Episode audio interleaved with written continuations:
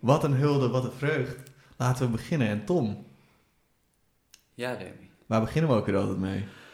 Eh, eh, shit, eh, gelukkig nieuwjaar, eh, dat, soort, dat soort fratsen. Ja, in het begin van het jaar beginnen we daar zeker mee. Ja, En eh, voor nu eh, hebben we alleen eigenlijk een hele lekkere openingstune waar we naar gaan luisteren. Allemaal gekleed over nieuwe muziek. Dus gaan we lekker zitten of zo. Het zijn de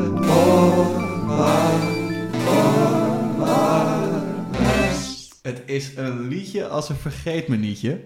Jemig de pemig. Wat lekker dat hij weer geklonken heeft. We zijn gestart, dames en heren. ja, Tom, we hebben vandaag echt wel even iemand te gast. zeker, zeker. Het is, eh, het is niet vaak dat je iemand krijgt die een internationale regiecarrière heeft. En onder andere heeft gewerkt, niet alleen in de Stopera in Amsterdam, maar zelfs in Le Opera in Parijs. Ik ken haar werk voornamelijk via eh, eh, de componisten waar zij mee heeft samengewerkt. Maar ze doet een heleboel meer. Eh, ze is visueel en dramatisch erg sterk in haar werk. En weet altijd een verdiepende laag aan te brengen. Wat ik toch knap vind. En ja, met mijn beperkte kennis over, over dat hele regieding. Ook iets is wat ik niet overal bij iedereen zie. Dus ik waardeer dat eigenlijk alleen maar heel erg. En ik ben heel blij dat ze er is. Want ik, ik ken haar ook al een tijdje. Het is Kenza. Yay. Ja, Wow, wat een intro, Remy. die, die is voor jou. Maar ik moet je wel meteen corrigeren, want het is Oh. niet Stopera, het is de Nationale Opera. Ja, maar Nee. als je klinkt nee. zoals ik klink, moet je luisteren. Het is gewoon een Moet je stopera. luisteren. Het is gewoon een stopera. En eh, ja, nee, ik ga helemaal niet over de subsidies, maar ik zou willen zeggen, het is gewoon stopera niet. en anders dan krijg je geen subsidie meer. Ja. Ehm, ik moet niet gaan over subsidies laten. Ik word daar veel te... Oef. Ik word daar, ik moet, deze macht moet niet in mijn handen komen. Jongens, aflevering 9. Hey. Aflevering 9 met Kenza. Wat fijn. En superleuk dat je, dat je hier wilde aanschuiven. Vind ik ook. Wat een eer. Ja, nou ja, te, te gek. En ehm, ehm, nou, het is misschien een voor de hand liggende vraag, maar ehm, als regisseur heb je altijd, heb je altijd met hedendaagse muziek gewerkt? Heb je Ha. met componisten gewerkt? Nee. ehm, of misschien als regisseur zelfs wel. Ehm, maar ik had toen ik eh, echt jong was, acht, een, eh, alleen maar een beeld van de echt romantische opera Puccini en zo. En toen ik eenmaal met regie begon, toen dacht ik ook van, oh ja, dat is echt waar ik me in, eh, dat is wat, mij, wat voor mij opera is. En toen, ja, ik, ik zeg altijd dat er één duidelijk moment is waarop ik in aanraking kwam met, ehm, met hedendaagse opera of met levende componisten die opera's schreven. Ehm, maar dan daarna denk ik altijd, nee, ja, dat zat er eigenlijk alweer veel eerder in. Hm. Ehm, bijvoorbeeld de eerste echte opera die ik zelf heb geregisseerd is van Jan-Peter de Graaf. Dat was in 2016. Ook meteen anderhalf uur, full-blown, eh, acht personages en zo, een nieuw orkest. Ja, inderdaad, wauw. En het is maar goed dat ik er toen zo bleu in stond, want anders was ik daar denk ik met mijn kennis eh daar maar niet aan begonnen. Als ik had geweten hoe weinig ik wist, maar dat was wat het ook te gek maakte. Maar eigenlijk een jaar daarvoor zelfs denk ik dat ik met eh Anne-Maartje Leemreis, ook componist, ehm, heel kort heb gewerkt aan haar opera Graaf. En, ehm, of misschien was dat nog wel eerder. Want toen was ik maar heel kort met haar bezig. En toen dacht ik, eh, oh ja, dit is hoe je werkt met levende componisten. En Mhm. vanaf dat moment ging het eigenlijk helemaal los. Want eh, het was voor mij echt een eye-opener om met mensen over, over de muziek te kunnen praten. Ehm, omdat ik eigenlijk ook altijd al wist dat de muziek voor mij de basis is van wat ik maak. Dus het hele verhaal zit voor mij al in de muziek. En hoe te gek is het als je aan een componist kan vragen... hé, hey, wat bedoel je met die noot of met, dat, zeg maar, met die passage? En ehm, ik ben dan ook weer niet zo technisch aangelegd... dat ik precies kan vragen... eh, eh, ik bedoel, als ik nu ook met Jan-Peter werk bijvoorbeeld... die zegt dan ja, en dit verwijst dan naar dat... dan denk ik, wow, dat had ik zelf nooit kunnen eh, analyseren... Mhm. Maar om dat te weten en dan, zeg maar, dan dus dat te kunnen horen en zien, ja, dat geeft zoveel als regisseur. Daar kun je gewoon oneindig mee spelen. En ehm, ja, daarom is het gewoon te gek. Ik vraag me af of ik ooit een, een, een oud werk ga doen. eigenlijk op, eh, zeg maar op deze manier. Vooralsnog ben ik alleen maar bezig met eh, nieuwe componisten. Of Mm. met bestaande componisten, nieuw werk. En dat, dat juichen wij alleen maar heel erg toe. Awesome. Ik, eh, ik hoop dat je vooral nieuwe dingen gaat doen natuurlijk. Maar, ja, Waarom? Ja, om- omdat, ja, omdat, omdat dat voor mij persoonlijk meer waarde heeft. Ik wil helemaal niks. eh, ik wil niet al dat andere werk wat vroeger al geschreven is, te niet doen.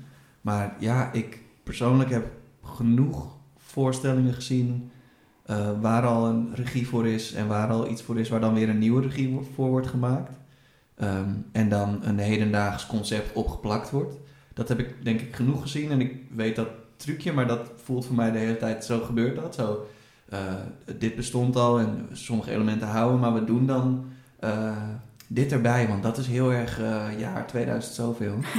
Ehm, maar als je een nieuw werk hebt, dan hoef je er niet iets nieuws op te plakken. Je hoeft niet je best te doen om het actueel te maken, want het is per definitie actueel. Ehm, Ja. en daarom, en ik denk ook dat een publiek daar veel meer aan heeft, omdat je, ja, ook daarin, je hoort gewoon veel meer nieuwe dingen en de, de invalshoek is, is, eh, is heel anders. Ja. Ja, Maar voor jou daarom, dus ook. daarom hoop ik vooral nieuwe dingen, om, en dat is gewoon heel egocentrisch, maar dat mag ik zijn in deze podcast. Ehm, dus alles, eigenlijk alles wat ik in deze podcast zeg, is vanuit mezelf zeg. Dus ik hoop het, omdat ik hoop vooral nieuwe dingen te zien en ja, dat we dan één keer per jaar eh, met z'n allen naar een Beethoven-symfonie kunnen, weet je wel. En dat, het dan, en dat dat dan heel speciaal is. Eh, maar dat je normaal gesproken gewoon naar alle nieuwe stukken kan. Dat, dat, ik vind dat, dat volgens mij is, dat is er dan het muziekleven en het culturele leven veel bloeiender. Dus dat is waarom ik dat hoop. ja, ik snap het. Ja, Ik snap het. Ja, maar voor jou dus ook een, eh, ook een duidelijke keuze, omdat die samenwerking met zo'n componist voor jou ook meer oplevert. Dus Ja, man. Eigenlijk, ja. Het is echt niet, eh, ja, het is een beetje waarom te zeggen, het is niet vergelijkbaar, want je kan niet met de doden praten op die manier. Ehm, maar ook omdat ik hou het allermeest van samen dingen maken. Ehm, en dat betekent dat ik heel graag de input wil van de ander, omdat ik denk dat mijn eigen verhaal er alleen maar beter van wordt. Ehm, ik ben wel heel duidelijk in wat ik uiteindelijk wil zien, maar ik kom daar nooit in mijn eentje. Dus daarom ja, daarom alleen al wil ik met, ja, met componisten samenwerken. Mhm. En ehm, het is gewoon, ja, het is ook een soort, voordat het allemaal heel zijig gaat klinken en heel dankbaar, maar het is echt een soort voorrecht om met de maker van die, die andere discipline die opera is, of muziektheater, eh, om daarmee te kunnen werken. Om zeg maar met diegene ja, te praten over wat dat dan is en wat het betekent. Maar ook om ja, suggesties is een groot woord. Maar ehm, ja, om te kunnen zeggen, ik vind dit belangrijk, kunnen we daar niet iets mee? Of eh, klinkt het niet beter als het een kinderkoor is? Of ik zeg maar iets. En dat is dan Mhm. niet eens vanuit een muzikale gedachte, maar dan vanuit een, ehm, een ja, de, de gedachte van de boodschap die ik dan wil overbrengen of zo. Ehm, dus ja, dat is natuurlijk, dat is echt een voorrecht als dat kan. Hm. En ook nogmaals, omdat het gewoon een heel, het, zeg maar, het is een universum waar ik maar zo weinig van heb gezien nog of gehoord. En het is heel fijn dat iemand dan zoveel dingen kan meenemen en suggesties en zo. Ik was ook best wel zenuwachtig om mee te doen eh, of om deze podcast te doen bijvoorbeeld. Want ik dacht, wow, praten over nieuwe muziek, ik weet niks. Ik wel, want er is gewoon zoveel en ehm, ja, je kan dat gewoon nooit natuurlijk allemaal weten. Maar dat is ook niet de bedoeling. nee, precies. En Nee. ja, je zegt nu, ik weet niks, maar je hebt ook al een beetje verraden dat je al zoveel met andere componisten hebt samengewerkt. Je noemde Annemaartje Leemreis, eh, Jan-Peter de Graaf. Ja. Eh, dus er zullen er een hele hoop zijn. Dus per definitie heb je al dan verstand van nieuwe muziek, want dat is ook nieuwe muziek en daar heb je, ben je heel intensief ingedoken. Ik, ik weet hoe je werkt, dus ik weet dat je dat doet. Ja. Ehm, dus ja, dus dat weet je wel. ja, en het is, Hey, Nee, en natuurlijk, Ja. dat, dat is ook zo. En de kennis is natuurlijk ook iets wat maar... ehm, oh, sorry, ik verschoof even. nee, dat gaat niet. Ehm, kennis is natuurlijk ook maar iets wat tot een, tot een bepaalde mate belangrijk is. Ehm, ja, het belangrijkste is denk ik om eerlijk te zijn in wat je wel weet en eh, wat je niet weet. En dan vanaf daar kun je verder gaan. Dat is Mhm. gewoon zo chill. En ook, ehm, want jij refereert net even aan mijn buitenlandcarrière als Ja. assistent, eh, Ja, regieassistent. Ehm, maar inderdaad, bij de opera in Parijs werkte ik ehm, als assistent bij de ehm, opera Berenice van uh, Michael Jarel. En hij is een Frans-Canadese componist. En hij schreef het stuk voor Barbara Hannigan. En dat was dan ook een stuk van drie uur, nee, korter twee uur. Maar dat is bijvoorbeeld ook weer van een heel andere orde en zo leerzaam om iemand op die manier te zien werken. Want hij was er ook tijd bij. En uh, kijk, iemand kan zoveel erover zeggen zonder dat het heel dwingend is. Hè? Dus ook als uh, de kast dan een vraag had, dan kon hij daar meteen iets over zeggen of suggesties mm. doen of, en ervan leren. Hij had ook vaak genoeg dat hij zei van, oh oké, misschien dat we het dan toch anders kunnen doen. Ja, dat is natuurlijk te gek. Ik bedoel, dat is, dat is real-time uh, kunst maken. Ja, dat is amazing. Dat is denk ik, ja, wat je wil. Eigenlijk. Ja. Dat denken wij ook. Ja. En nu je al uh, zo heel mooi uh, uh, Barbara Hennigan hebt genoemd. Oh ja. We hebben jou natuurlijk ook gevraagd. Sorry, Barbara Hennigan, voor de luisteraars die er niet kennen. Wat kennen jullie Barbara Hennigan niet? Maar het is een ja, waanzinnige zangeres. En veel meer dan dat, maar laten ja, dit... Ze is ook dirigente. Uh, en, of tenminste, ik ken haar vooral als zangeres en dirigente. Ik weet niet wat ze nog meer is, misschien weet jij dat. Maar... Nou, performer, alles. ja, allround ja, artist. Ja. nou ja, een waanzinnig iemand. Ga vooral filmpjes van haar kijken ook, want ja, uh, ja zij is per uitstek een zangeres die je ook wil zien. Uh, en daarmee bedoel ik dat ze heel expressief is in de uh, performance. Ja. met haar hele lijf. En, heel dat, fysiek, dat, ja. Heel fysiek. En dat is heel waanzinnig om te zien uh, zeker als je dat koppelt aan nog steeds zo goed kunnen zingen. Ja. Dus gewoon, dat, ja, dat, nou goed, ga checken. Um, maar mijn bruggetje. Ja. Uh, mijn bruggetje ging over dat, uh, dat jij die hebt, jij hebt een stuk waarin zij zingt meegenomen. Wil, je daar, wil je daar iets over vertellen voordat we er naar gaan luisteren? Of ja. nee, ik wil wel eerst iets erover zeggen. Um, waar we naar gaan luisteren is Let Me Tell You How It Was. En dat is het eerste gedeelte uit een uh, stuk dat uh, Hans Abrahamse speciaal voor Barbara Henniken heeft geschreven. En um, dat vertelt het verhaal van Ophelia uit Shakespeare, um, Hamlet van Shakespeare. En zeg maar, voor mij is dat stuk wat nieuw muziektheater zeg maar, in de ja, dat is, dat is hoe, het, hoe je wil dat iets nieuws is. En je kan natuurlijk nooit meer dit maken, want het is er al en het is op deze manier gedaan. Maar alles aan het begin, dat, dat zegt voor mij, ik wil verder luisteren. En ik ben in één keer geboeid door, door wat ik hoor. En dat zit zowel in, de, um, uh, in het orkest als in de zang. En um, nou ja, misschien vanaf dit punt inderdaad maar luisteren.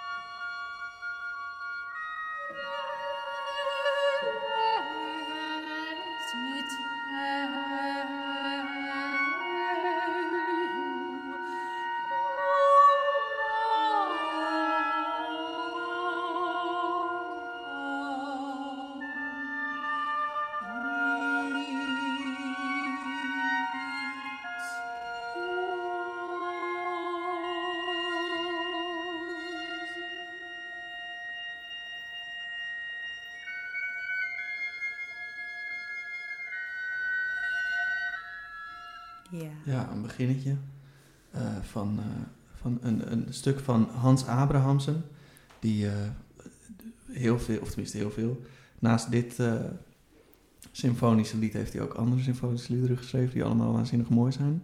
Dus ga dat, ga dat checken. dan zeggen we ook altijd eventjes dat we daar prachtige Spotify-lijsten voor hebben. Z zoek die op.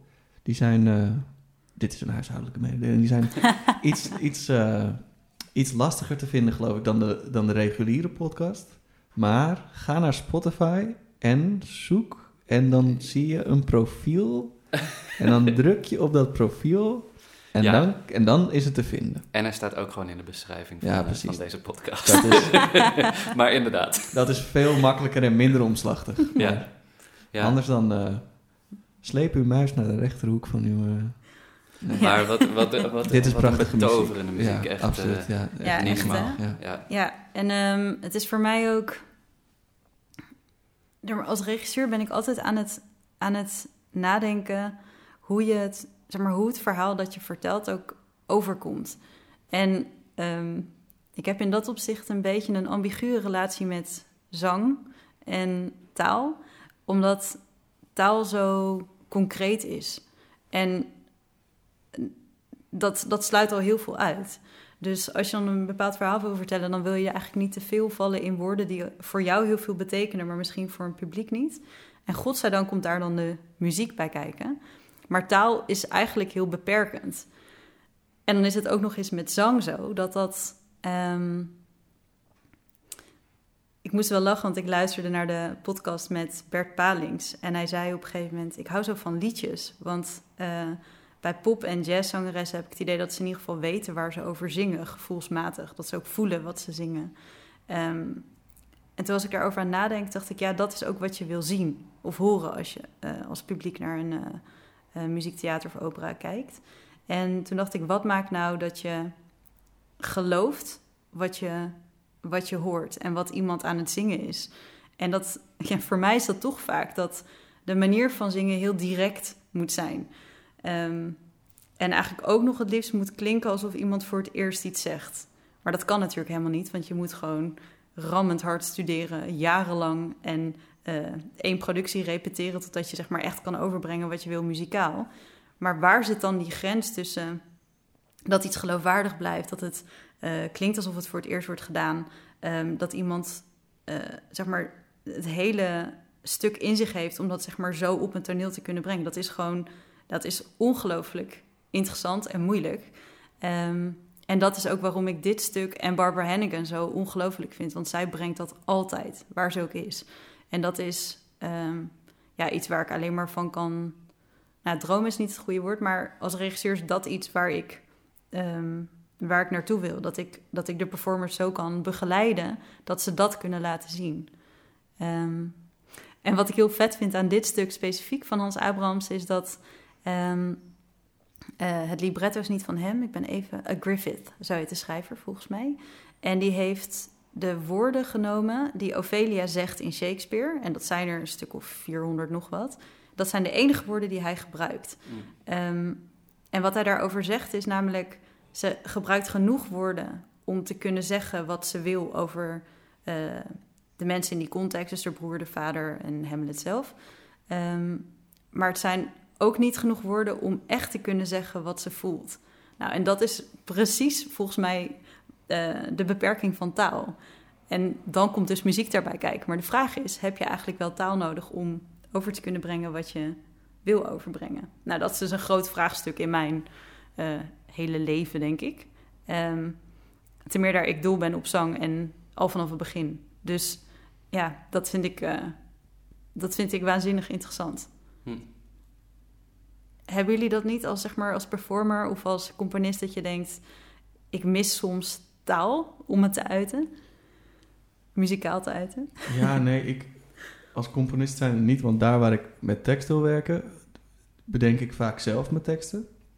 Ehm, eh, ik, ik ga binnenkort aan een project deelnemen waarbij ik eh, niet mijn eigen tekst heb eh, verzonnen. Dus daar kijk ik heel erg naar uit, want ik ben benieuwd wat dat me gaat brengen. Ehm, maar nee, ik, er is dan al iets wat je wil zeggen en daar zoek je dan de juiste woorden en de juiste muziek bij en de juiste en dat probeer je een context te geven. Je, zeg maar, allebei de onderdelen probeer je een context te geven los van elkaar, die elkaar ook kan beïnvloeden. Eh, dus ik, ik heb daar zelf eigenlijk niet zo'n last van. Hm. Ja, ik heb daar wel Nee. veel, veel over nagedacht. Omdat, ehm, omdat ik vast samenwerk met eh, Rianne Wilbers, die hier in aflevering 3 ook zat. Ja, cool. Ehm, en su- super, super mooie zangeres is. eh, maar dan werk je daarmee samen en dan achteraf voel je in een publiek vaak dat, dat ze worden getrokken naar de zangeres. En natuurlijk, want zij vertelt het verhaal en zij heeft de, de, daadwerkelijke tekst. Ehm, maar goed, ja, ik sta, mez- ik sta mezelf natuurlijk ook te geven zonder dat ik, zonder dat ik daar tekst bij heb. En, en dat, dat is dan even zoeken van wat is dan, wat is dan je rol. En als ik dan kijk naar de solo-projecten die ik doe, denk van ja, soms zou het wel fijn zijn om, om ook wat te kunnen zeggen in, in, de, in de muziek zelf. Maar ehm, uiteindelijk heb ik daar wel denk een manier in gevonden door inderdaad zo, zo dicht met componisten samen te werken dat nou, dat, dat, eh, dat dat eruit komt wat ik, wat ik graag zou willen vertellen. En kan natuurlijk tussendoor ook gewoon een kletspraatje houden. Dus Ja. ehm, het is wel anders. Maar ik- ben er wel veel mee bezig geweest. Soms voelde het zelfs een beetje oneerlijk. Zo van, oh ja, maar ik, ik kan helemaal niks zeggen... terwijl ik toch de muziek maak waar ik zoveel eh, gevoel bij heb. Of Ja. wat, wat dan ook, ja. Ja, ik snap dat. Ik denk ook wat je zegt over eh, werken met een zangeres, en dat de aandacht daar naartoe gaat. Volgens mij is dat überhaupt omdat de zangstem hetgene is waar een publiek zich het gemakkelijkst toe kan verhouden. Ehm, alleen maar omdat we allemaal een stem hebben. We, hebben niet allemaal een, we weten niet allemaal hoe het is om een instrument te spelen. En dat betekent niet per se iets positiefs hoor. Ehm, ik denk alleen dat mensen zich heel snel kunnen invoelen met iemand die zingt. eh, omdat we, ja, we kennen dat. We weten hoe dat is. En ehm, ja. we snappen hoe het voelt om een brok in je keel te hebben. Of om te schreeuwen. Of ja, om hele kleine geluiden te maken. En ehm, het is grappig hoe dat werkt. Ik weet ook nog de eerste keer dat ik naar een balletvoorstelling was. Toen dacht ik, het eh, best wel lang geleden hoor. Nou, niet de eerste keer, maar ehm, toen ik zeg maar professioneel bezig was en ik naar een balletvoorstelling ging, toen dacht ik, wow, wat is dit eigenlijk rustig om naar te kijken. Toen dacht ik, waarom? En dat was door het gebrek aan stem. En ehm, nou, dat vond ik gewoon een interessante eh, ja, gewaarwording. Mhm. En toen dacht ik ook, zo'n stem is zo... Die grijpt gewoon je aandacht en, je, en alles eigenlijk. En daarom is het denk ik ook heel belangrijk om te weten waarom je als regisseur iets, iets wil van, van een bepaalde stem of een manier van spreken of zingen. Ja, Ik kan me dan voorstellen dat er, dat er bepaalde, eh, bepaalde mensen ook fijner, eh, waar je een fijnere samenwerking mee hebt dan, dan anderen, omdat je inderdaad zo puur naar, eh, daarnaar op zoek bent. ja dat, eh, dat heeft vooral te maken met durven. Ehm, dus zangers die durven een ander geluid te onderzoeken dan ze gewend zijn. Dat is gewoon heel prettig werken, want dan kun je samen daarnaar. ehm, nou, dan kun je dus samen op zoek naar wat je, wat je dan wil. Het is, je moet er ook een beetje voor waken om, eh, tenminste vind ik als regisseur, om dan steeds iets anders te willen. Ehm, want je vraagt in principe om een zangeres. En die heeft natuurlijk ook een eigen techniek Ja. en een stijl waar jarenlang, zo niet decennia, aan gewerkt en voor gestudeerd Ja. eh, is. Ehm, maar dan alsnog, ja, ik wil soms bijna meer naar een soort spreken, een soort primair, primaire uiting van, van zang, dan iets wat aangeleerd is. En dat, of aangeleerd, ingestudeerd. En dat is natuurlijk eh, dat is een hele grote tegenstelling, want je kan er ook echt alleen maar komen als het hele kader duidelijk is. Dus, eh, want volgens mij zei Abrahamse ook over dit stuk. Ja, dit is voor mij zo puur, maar dat is echt. Die constructie is ook. Het is echt een. eh, hij zegt: This is really constructed, this whole piece. Bedoel, over alles is nagedacht. Mhm. En ja, dan kun je iemand eigenlijk laten floreren, denk ik, op zo'n. op een podium of binnen een stuk. Dus dat is. ehm, het is een illusie om te denken dat een eerste keer het beste is. Want dat is vaak omdat het de eerste keer is. En dan is het de truc om dat te kunnen reproduceren. Elke ben je- keer. Ben je dan ook bezig met een, eh, een, een, een methode voor jezelf om met eh zangers, zangeressen te kunnen werken op deze manier? Want ik vind het heel interessant en als componist kom ik hetzelfde tegen in het, in het werken met eh, mensen, die, mensen die hun stem gebruiken als instrument. Is dat de een is flexibeler dan de ander, de een durft meer dan de ander. Mm. Maar eh, wat dat betreft, dat is ons gezamenlijk probleem. Dat wij hebben een idee van hoe iets moet zijn. En Ja. we proberen iemand daar te krijgen. Eh, ben je daarmee bezig? Heb, ben je in je hoofd denk je, oh, ik moet echt, ik wil daar een methode voor vinden? Nou, wat, sowieso, wat ik sowieso als regisseur goed moet kunnen, is met weinig woorden kunnen zeggen waarom ik iets wil. Eh, want het is heel makkelijk om in een soort overvloed van associaties en eh, dingen te gaan praten. Ja, Ehm, maar eigenlijk moet je heel to the point kunnen zeggen: dit vind ik goed en daarom vind ik dit goed. En je moet, denk ik, ook als regisseur vaak van tevoren en als componist weten hoe iemand werkt en wat iemand fijn vindt. Dus wil iemand het eindpunt weten van waar die naartoe moet, of wil die echt in, in frasen door zo'n stuk heen gaan? Wil die per zin weten waarom het, uh, wat ermee wordt bedoeld? Um, dus ja, methode. Het is meer dat ik voor mezelf echt een goede basis moet hebben met de performer om te kunnen weten wat ik, wat ik kan doen.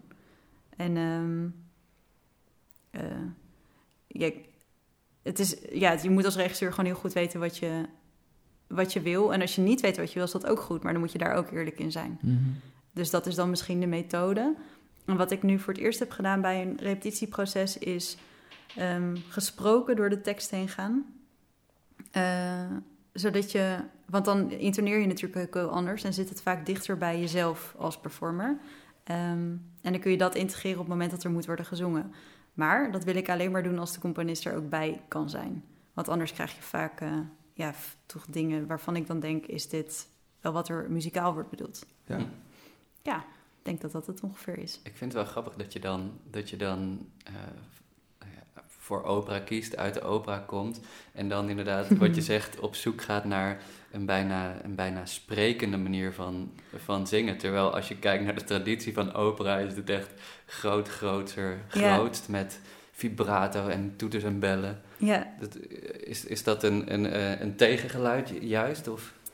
Nou, ik denk eerder dat je het in de context van de tijd moet kunnen plaatsen en de zalen waarin het plaatsvond en ook hmm. ja, waar de ontwikkeling van het genre toen was. En grote emoties, die werden op die manier geuit in zo'n ruimte voor een hele grote groep mensen die vaker ook gewoon doorheen praten. Het is niet zoals nu. Um, daarbij gezegd dat ik het ook belangrijk vind dat dat operageluid wel heel duidelijk een functie moet hebben als het nu op die manier wordt uitgevoerd. Hmm. Um, en dan, dat is ook ingewikkeld, want componisten wisten heel goed waarvoor ze schreven. Dus ja, ik vraag me af, stel dat ik nu een Puccini zou regisseren. Ik weet helemaal niet of ik dat kan. Um, maar zou je het willen? Dat is misschien een belangrijkere vraag. Of uh, kan dus, uh...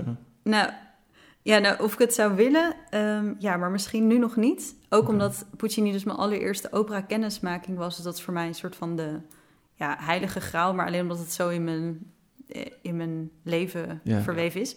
Um, maar uh, als ik dat zou doen, dan zou ik daar toch over nadenken. Of je dat op een andere manier dan ook muzikaal kan brengen. Maar ik weet niet of ik dat wil hoor. Of misschien dat ik dat ook een te, dat je dan ergens aankomt waar je niet aan wil komen. Dus ja. ja. Want ik vind niet dat je kost wat kost bestaand repertoire. Zoals jij net ook zei, Remy, moet veranderen. Uh, en dat het dan actueel is. Um, ik denk dat je wel een stuk kan, zeg maar, of in een bepaalde regie kan plaatsen, om de, zeg maar, vanuit een liefde voor het stuk ook. Dat denk ik wel. Ja. Ja, dat is heel mooi. ja. Dit was ook al heel erg mooi, maar we zijn nog lang niet klaar. Nee. Je hebt namelijk uh, nog een uh, stukje meegenomen en dat is het stukje in de ketting. En om daar te komen moeten we altijd eerst eventjes naar de tune luisteren. Dus dames en heren, op een uit de ketting. Zo catchy. Met zo van de grond je oren. Zo catchy. Lekker gaat zitten in je oor. Het is de oorworm. Nou, dames en heren, de oorworm. We zijn er aanbeland. We zijn er aanbeland. Um, want, Kenza, jij hebt uh, vandaag een stuk meegenomen... wat we al eerder hebben gehoord in de oorwarmers. Ja, maar first. Het is, een, het is een first, maar dan gelukkig het tweede deel ervan. Zodat, Ja. uh, zodat we meer van dit prachtige stuk mogen laten horen. En het is namelijk... Uh, het tweede gedeelte uit de partita voor Eight Voices van Caroline Shaw. Zeker weten. Dat zat zelfs in onze eerste aflevering, hè? Dat zat in de, Ja. ja. Ja, toen, ja. ja. dat is toch ook gewoon een nostalgisch gevoel, toch een beetje, de eerste aflevering. Weet je nog? Dat we toen in ons t-shirtjes aan het opnemen waren. Ja, Ah. Dan uh, ga ik die nu uh, draaien, denk ik maar gewoon, ja.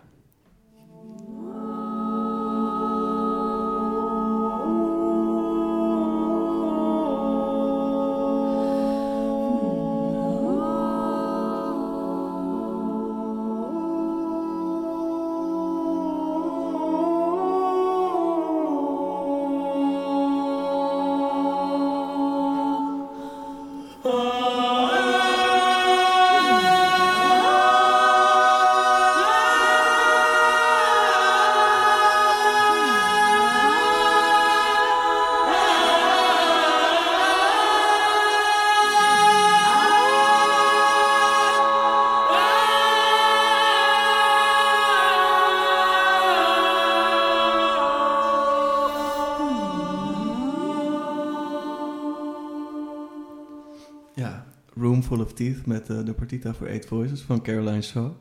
Super mooi. dit is het tweede deel, de Sarabande, of een stukje eruit.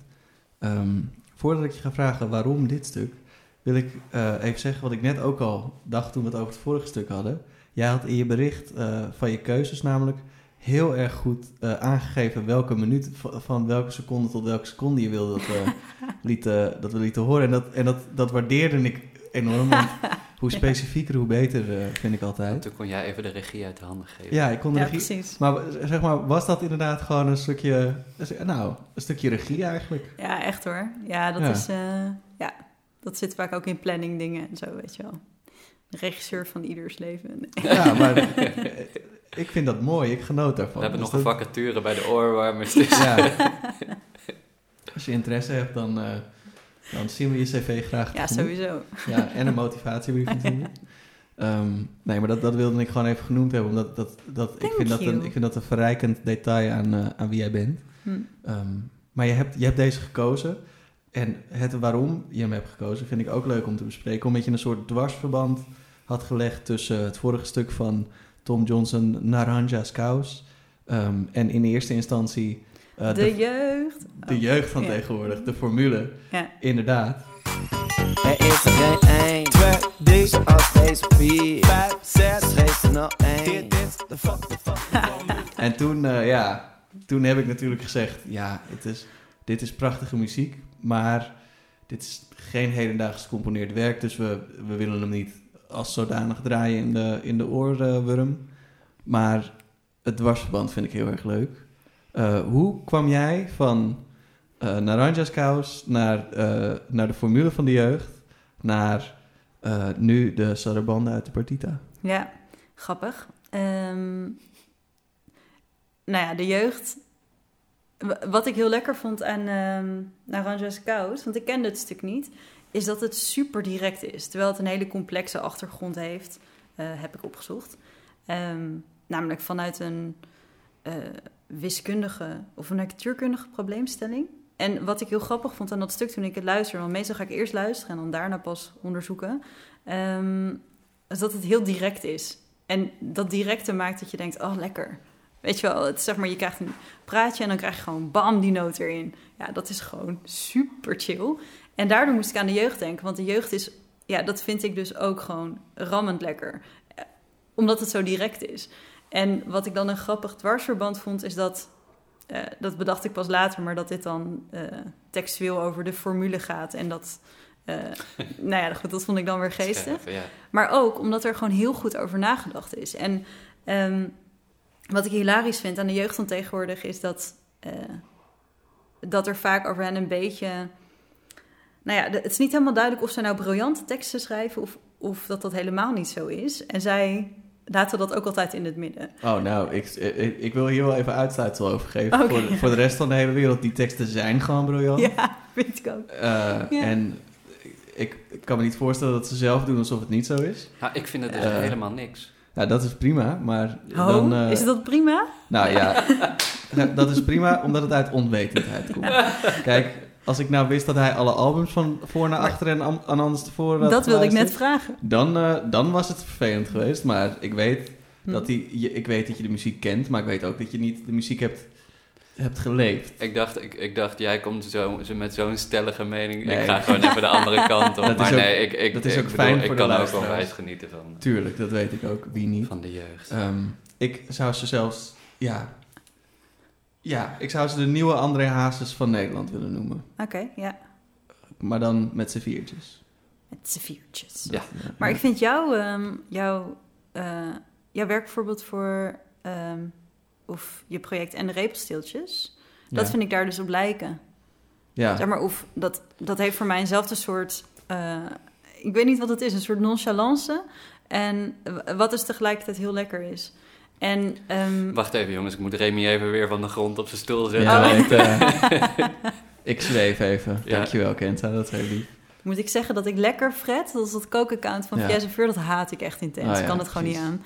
Ehm, maar om terug te komen op Caroline Shaw, Ja, Heel goed. Wat ik heel lekker vind is dat zij, ehm, eh, zeg maar, deze drie stukken die we dus nu hebben, of eh, ehm, componisten.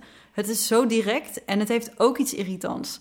Ehm, tenminste, vind ik. Eh, Want het, heeft, eh, zeg maar, het, heel, het is echt in your face. En dat het dan toch nog steeds lekker is, ja, dat vind ik gewoon, dat vind ik eigenlijk heel knap. En het is helemaal niet zo bedoeld, denk ik. Ik denk niet dat het bedoeld is om per se irritant te worden gevonden. En, maar het is heel direct. En ehm, Caroline Shaw, die... Overigens vind ik haar stuk helemaal niet irritant, maar wel heel direct. En er zit geen gesproken tekst in. Ja. Dus die klanken, dat is zeg maar waarvan ik denk: oh, dit is dus wat ik vaak zoek. Terwijl dat helemaal niet kan binnen, binnen het gegeven van waar ik dan mee bezig ben. Maar je voelt gewoon bij die allerhoogste eh, noot die klinkt in dat fragment dat we net eh, lieten horen. Je voelt gewoon je eigen borstkas eigenlijk een soort van open gaan. Ja, dat is denk ik heel knap. En volgens mij heb je daar helemaal geen muzikale ervaring voor nodig. Je hoort dat en je denkt: wow. Ja, dat vind ik, dat vind ik amazing. Ja. En bij de jeugd heb ik dat dus ook. En Ja. ja. het is een heel ander genre, maar ook eh, recht voor zijn raap. En dat is denk ik, dat, ja, dat zou ik zelf graag meer durven toepassen, denk ik. Ja. Ja, inderdaad. En het is, eh, om even bij Caroline Shaw, want het is een super interessant stuk. En eh, jij zegt geen gesproken tekst, ze gebruikt wel gesproken tekst. En ik had daar ook een vraag over, omdat...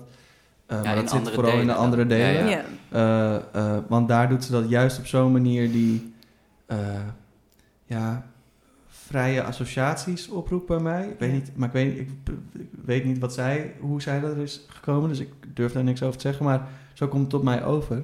Maar daardoor werkt het juist zo heel erg verbredend voor mij. Ik luister ernaar en het gaat eigenlijk overal over. Eh, dat, dat, ik vind dat heel erg interessant, maar kijk, ben je met me met de andere ik- delen? Nee, ik, Maar snap- ik snap in wat je bedoelt. Ja, ik snap wat je bedoelt. En eh, dat is namelijk ook iets waar ik over nadenk, over dat associatieve. Want dat is eigenlijk, dat zou je de oplossing kunnen noemen voor wat ik zeg, de onmogelijkheid van taal of zo. Hè? Maar ik hou er dus helemaal niet van, van dat associatieve. Want ik ben zelf ja, per definitie iemand die dan meteen op zoek gaat naar de betekenis. Ehm, een ander voorbeeld uit de ehm, Nederlandstalige muziek is Evie de Visser. Waarvan ik dus pas laatst hoorde hoe, zij, hoe haar compositie of hoe haar eh, songwritingproces gaat. En dat is, vond ik heel grappig, want zij, eh, zij denkt dus in allemaal associaties. En die zingt ze dan in het Engels. En dan ontstaat er een soort basis. En dan, dan komt er een moment waarop ze denkt: oké, dit is een lekker nummer. Nu moet ik die teksten gaan eh, vertalen naar het Nederlands. En dan ontstaat er dus een, Hm. een, een, een verhaal. Maar ik dacht echt dat het andersom was. Ik dacht, als zij, is, zij heeft gewoon zo'n duidelijk verhaal naar haar hoofd. En daar ontstaat die poëzie uit die zij maakt. Om er aan te geven dat ik zelf altijd op zoek ben naar de grotere betekenis van wat ik hoor. Dus ja, ik vind dan misschien taal onmogelijk om echt uit te drukken wat je voelt. Maar ondertussen wil ik zelf een concreet verhaal. Dus ehm, ik hou helemaal niet van het associatieve werken. Op die manier. Dus zoals in de teksten van... Of wat jij zeg maar ziet als associatief in de teksten van Shaw in andere Ja. delen. Grappig hè? Ja, Het zijn allemaal, allemaal tegenstellingen. Dus ik ben er ook helemaal niet uit wat, eh, wat de manier is. En ik denk dat dat precies het spel is waarom het zo leuk is om muziek te, muziektheater te maken. nou, misschien is dat, zeg maar, dat, dat getouwtrek tussen al die eh, losse onderdelen in Ja. jezelf, juist waardoor er zo'n interessant, zo'n interessant resultaat kan komen. Ja, dat denk ik ook. En ook waarom het dus vaak genoeg ook niet interessant is. Omdat het denk ik... eh, omdat er te veel in zit, bijvoorbeeld van wat je wil laten zien... en daardoor niet meer duidelijk is. Of eh, ja, ik weet niet. Ja. Ja, het, ja, het is heel interessant. Bet- Ja. of Tenminste, bezig zijn met betekenis is natuurlijk gewoon heel erg interessant. Omdat Ja, ik denk dat, dat alle mensen, ook als je niet iets maakt, ben je ook gewoon met betekenis bezig. En zoek je Ja. betekenis in van alles. Eh, en ik, ik ben daar zelf ook natuurlijk helemaal niet uit. Eh, wat ik vaak wel denk is dat wat ik ook zeg of doe, en dat is ook een aanvulling op je vraag eerder, hoe ik met tekst omga. Ehm, ja, ik, ik heb heel erg gemerkt dat als ik heel erg mijn best doe om een bepaald iets te zeggen, dat tien mensen tien verschillende dingen gaan begrijpen. ja, Uh, dus de een zegt, oh, je, het ging hierover en ik vond dat zo. En dan, en dan een heel iemand anders kan dan weer een heel ander verhaal hebben. ja, Dus ja, het is ook ieder zijn eigen invulling. En ja. iedereen komt met zijn eigen bagage, waardoor dat wat erin gaat op die manier vertaald wordt. ja. Ehm, maar ja, dat willen we natuurlijk, want je wil iets maken wat, wat ge- gezien of gehoord wordt. Dus dan ben je toch bezig met dat, dat proberen te sturen. Maar dat, dat, dat is een ingewikkeld proces. Ja. Dat is het. En daarom vind ik het ook heerlijk dat ik, dat ik me in die zin daar niet mee bezig hoef te houden, want ik ben geen componist of schrijver. Dus ehm, het is heel lekker om te weten wat iemand heeft bedoeld toen hij de muziek schreef en, en eh, de tekst schreef. En dan is het aan mij om te kijken hoe we dat dan eh, naar een toneel kunnen vertalen, waardoor het door iedereen, voor iedereen dan weer wat breder opvatbaar eh, Ja. wordt. Ja.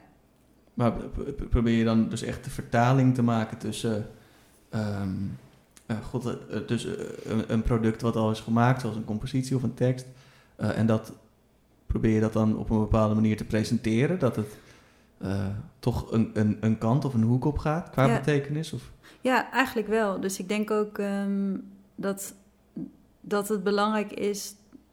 Tenminste, voor mij is het belangrijk dat ik weet wat ik wil vertellen. En ehm, dat ik daarin ook objectief kan blijven in wat er wordt, zeg maar wat, wat iemand daadwerkelijk ziet of hoort. Ehm, want ja, dat kennen jullie natuurlijk ook. Bij jullie zit er ook al zoveel aan bagage en informatie op het moment dat je op zo'n podium staat. eh, of iets maakt voor het podium. Maar dan wil je wel dat, het, dat ook datgene overkomt zonder al die bagage. En dat is volgens mij wat je moet. ehm, eh, wat ik moet kunnen als regisseur. En dat is ook denk ik het moeilijkste dat er is. Een, een duidelijk verhaal vertellen. Ja. ja, dat denk ik ook. Ja. Ja. Tenminste, als ik alle mensen in mijn leven mag geloven, dan is dat iets wat ik helemaal niet kan zelfs. Dus, eh, duidelijk verhaal ja. vertellen. nou ja, Dus dat, dat is de struggle. Ja. Ja, grappig hè? Ja. Maar dan de jeugd bijvoorbeeld. Want dat is, ja, dat, dat is gewoon zo lekker. Dus daarvan denk ik ook... De vraag is een beetje hoe duidelijk een verhaal moet zijn... eh, als je bijvoorbeeld zo'n beat eronder hebt zitten, weet je wel... en dat, dat gespeel met woorden en vervoegingen die helemaal niet kunnen... volgens de huidige taalregels of zo. Dat maakt dan ook niet uit. Want je krijgt wel gewoon een... f- hm, excuseer, een super lekker nummer... Je mag het gewoon zeggen hoor. Nee, dat waar je gewoon helemaal wild op gaat. Mhm. Nee, er luisteren ook kinderen. Ja. Ja, ja. Fucking kinderen luisteren. Shit, dat- nee, oké, nee, ja, inderdaad. nee, ja, maar ja, en, en goede muziek is goede muziek.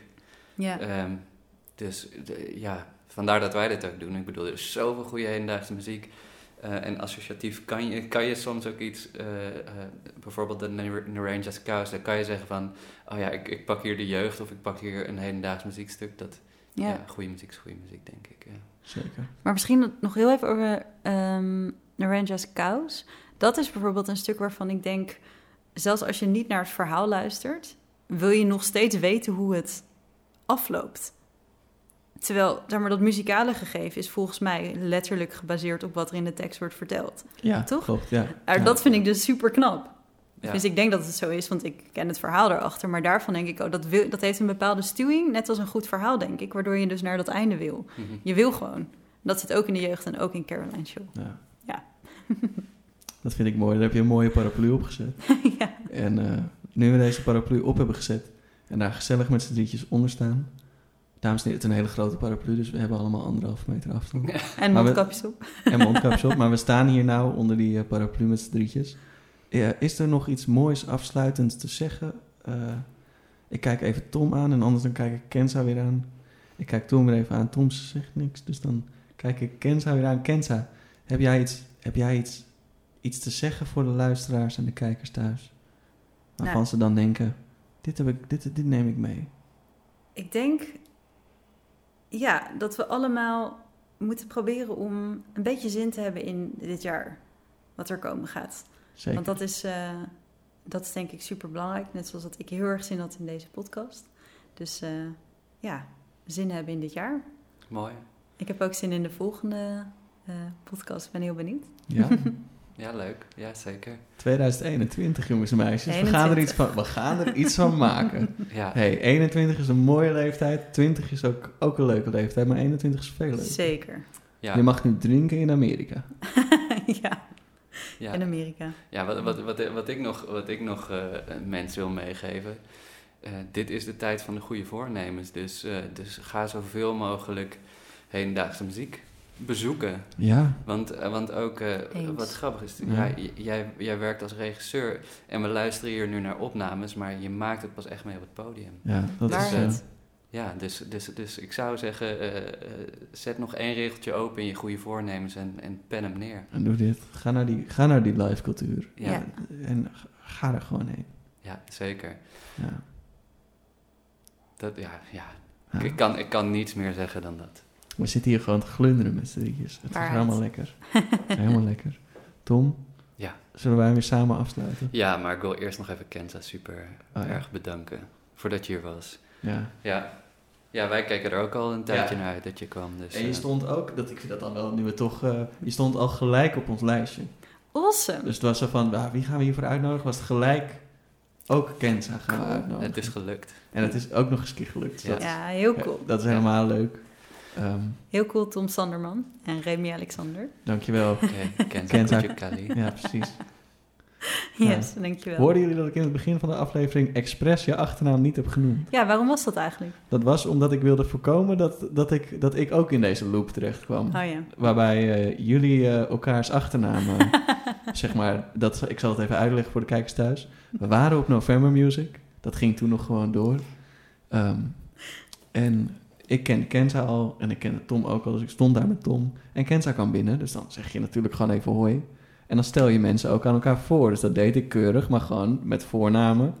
Eh, en toen gingen deze twee mensen naar elkaars achternaam vissen. en ja, daar ben je dan bij. Dat Ja. is dan, eh, en dat is dus waarom ik eh, dat op, op dit moment even niet doe. Ja. Ja, de running gag. Dit is de running gag, ja. Dit is Ja, heel mooi. Ja. Ik, wil, ik, wil, ik wil eigenlijk nog kort even wat anders zeggen, want we volgende week, of nee, zeg ik het weer, over twee weken Ja. hebben we aflevering 10. Dat, is, ehm, dat is wel weer een, een jubileumpje. En als je terugkijkt op wat we allemaal hebben gedaan in 2020, is het ook best wel groot. We hebben echt mooie, mooie gasten gehad. We hebben Ja. een, een kerstspecial gemaakt. Oh ja, Eh, ik hoop dat jullie daar extreem van hebben genoten. Lijp. anders ik wel. Ehm, en eigenlijk, ja, ik bedoel, wij willen dit blijven maken, we willen, dit, we willen blijven groeien. En eigenlijk hebben we maar, maar iets heel kleins nodig van jullie. Ehm, en dat is, drop gewoon, ja. Oh, er komt nog, oh. ik dacht, je wilde een muziekje. Ja, nee, dat is fijn. Lieve luisteraars, wat fijn dat jullie luisteren naar de Oorwarmers podcast. Ik zat al midden in mijn verhaal, maar eigenlijk hetgene wat ik graag kwijt wilde is... drop even een like en een abonneetje. Ehm, dat, zorgt er, eh, dat zorgt ervoor dat wij kunnen blijven gaan, kunnen blijven groeien... en nog veel meer spetterende content kunnen maken. Hou je oren warm. Hou ze warm. Wat een aflevering was dit. Ik ben een enorme fan geworden van Kenza na dit gesprek. Echt heel, heel erg leuk. We hopen dat jullie deze eerste aflevering van het jaar ook een beetje leuk hebben gevonden. Ik wil jullie in ieder geval een gelukkig nieuwjaar wensen. In de volgende aflevering hebben we Tamer Bruggeman te gast. Zij is de grote baas van het topfestival Wonderveel. Dus tot over twee weken lekkertjes van me.